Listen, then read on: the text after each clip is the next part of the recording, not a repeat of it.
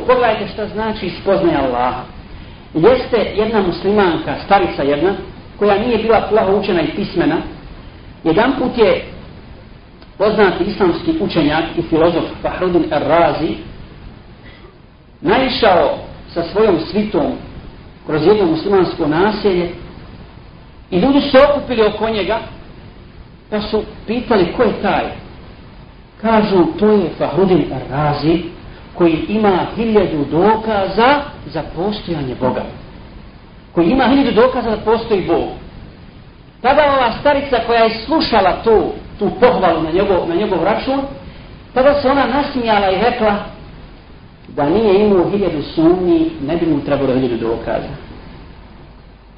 Dakle, da nije, da ga nisu kopkale tolike sumnje, ne bi mu trebali toliki dokazi. Zar on sam nije dokaz? Zar svaka slamka, svaka travka, svaka biljka i životinja na zemlji, u kos, e, sazvježje u kosmosu i tako dalje, ova harmonija koja vlada u prirodi, zar nije dokaz da postoji, da postoji Allah subhanahu wa ta'ala? Dakle, sama ljudska priroda potvrđuje tevhid i teži tevhidu. Allah kaže, fe akim veća kele dini hanifa, fitrat Allah ima ti fataran nasa alejha. Ti okreni svoje lice kao pravi vjeri, prema vjeri, prirodnoj vjeri, po kojoj je Allah sve ljude stvorio. Kada je poznati islamski učenjak, velikan ovoga ummeta, Ebu Hanife, radijallahu ta'ala, razgovarao sa skupinom ateista, koji su tražili od njega, pokušali da se izigravaju sa njim, koji su mu govorili da je ovo sve slučajno nastalo, on je dobio na jedan vrlo jednostavan način.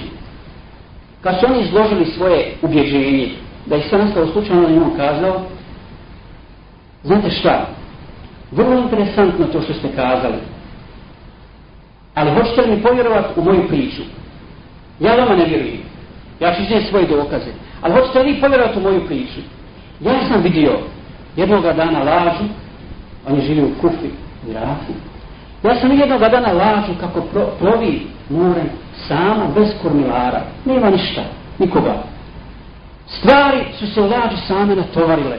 Sve su same ušle. Koferi, tašne, sve ostalo, sve same ušle.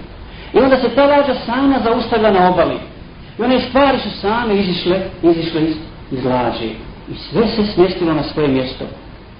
Kažu li, to je nemoguće. To je izmišljatina. To je izmišljatina. Kažu li ga nito, pa vi ne vjerujete u tu priču. I naravno da nije istina. Pa kako onda neće biti izmišljotina vaša priča? da je sve ovo stvoreno, stvoreno samo od sebe, da je stvoreno slučajno i da nema, da nema svoga stvoritelja. Imam šafija kad mu je postavljeno ovo pitanje, kad, je, kad su od njega traži dokaze o Allahu Đelešanuhu, uzao je list djetelinije, obični list djetelinije, i kaže, pogledajte ovaj list. Kada ga pojede gazela, iz nje iziđe misk. Od jednog dijela gazele, jednog dijela njenog organizma, pravi se najljepši miris, koji se zove misk. Kada ga pojede pčela, izniziće mi. A kada ga pojede svilena guba, izniziće svila. Zar to nije dokaz? Dokaz o postojanju mudrog i svemoćnog stvoritelja.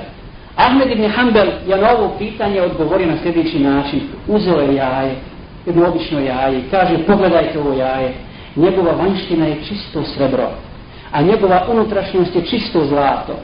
A kada se to jaje naleže, iz njega iziđe životinja koja čuje, vidi i hoda. Zar to nije dokaz o postojanju gospodara, gospodara svjetova?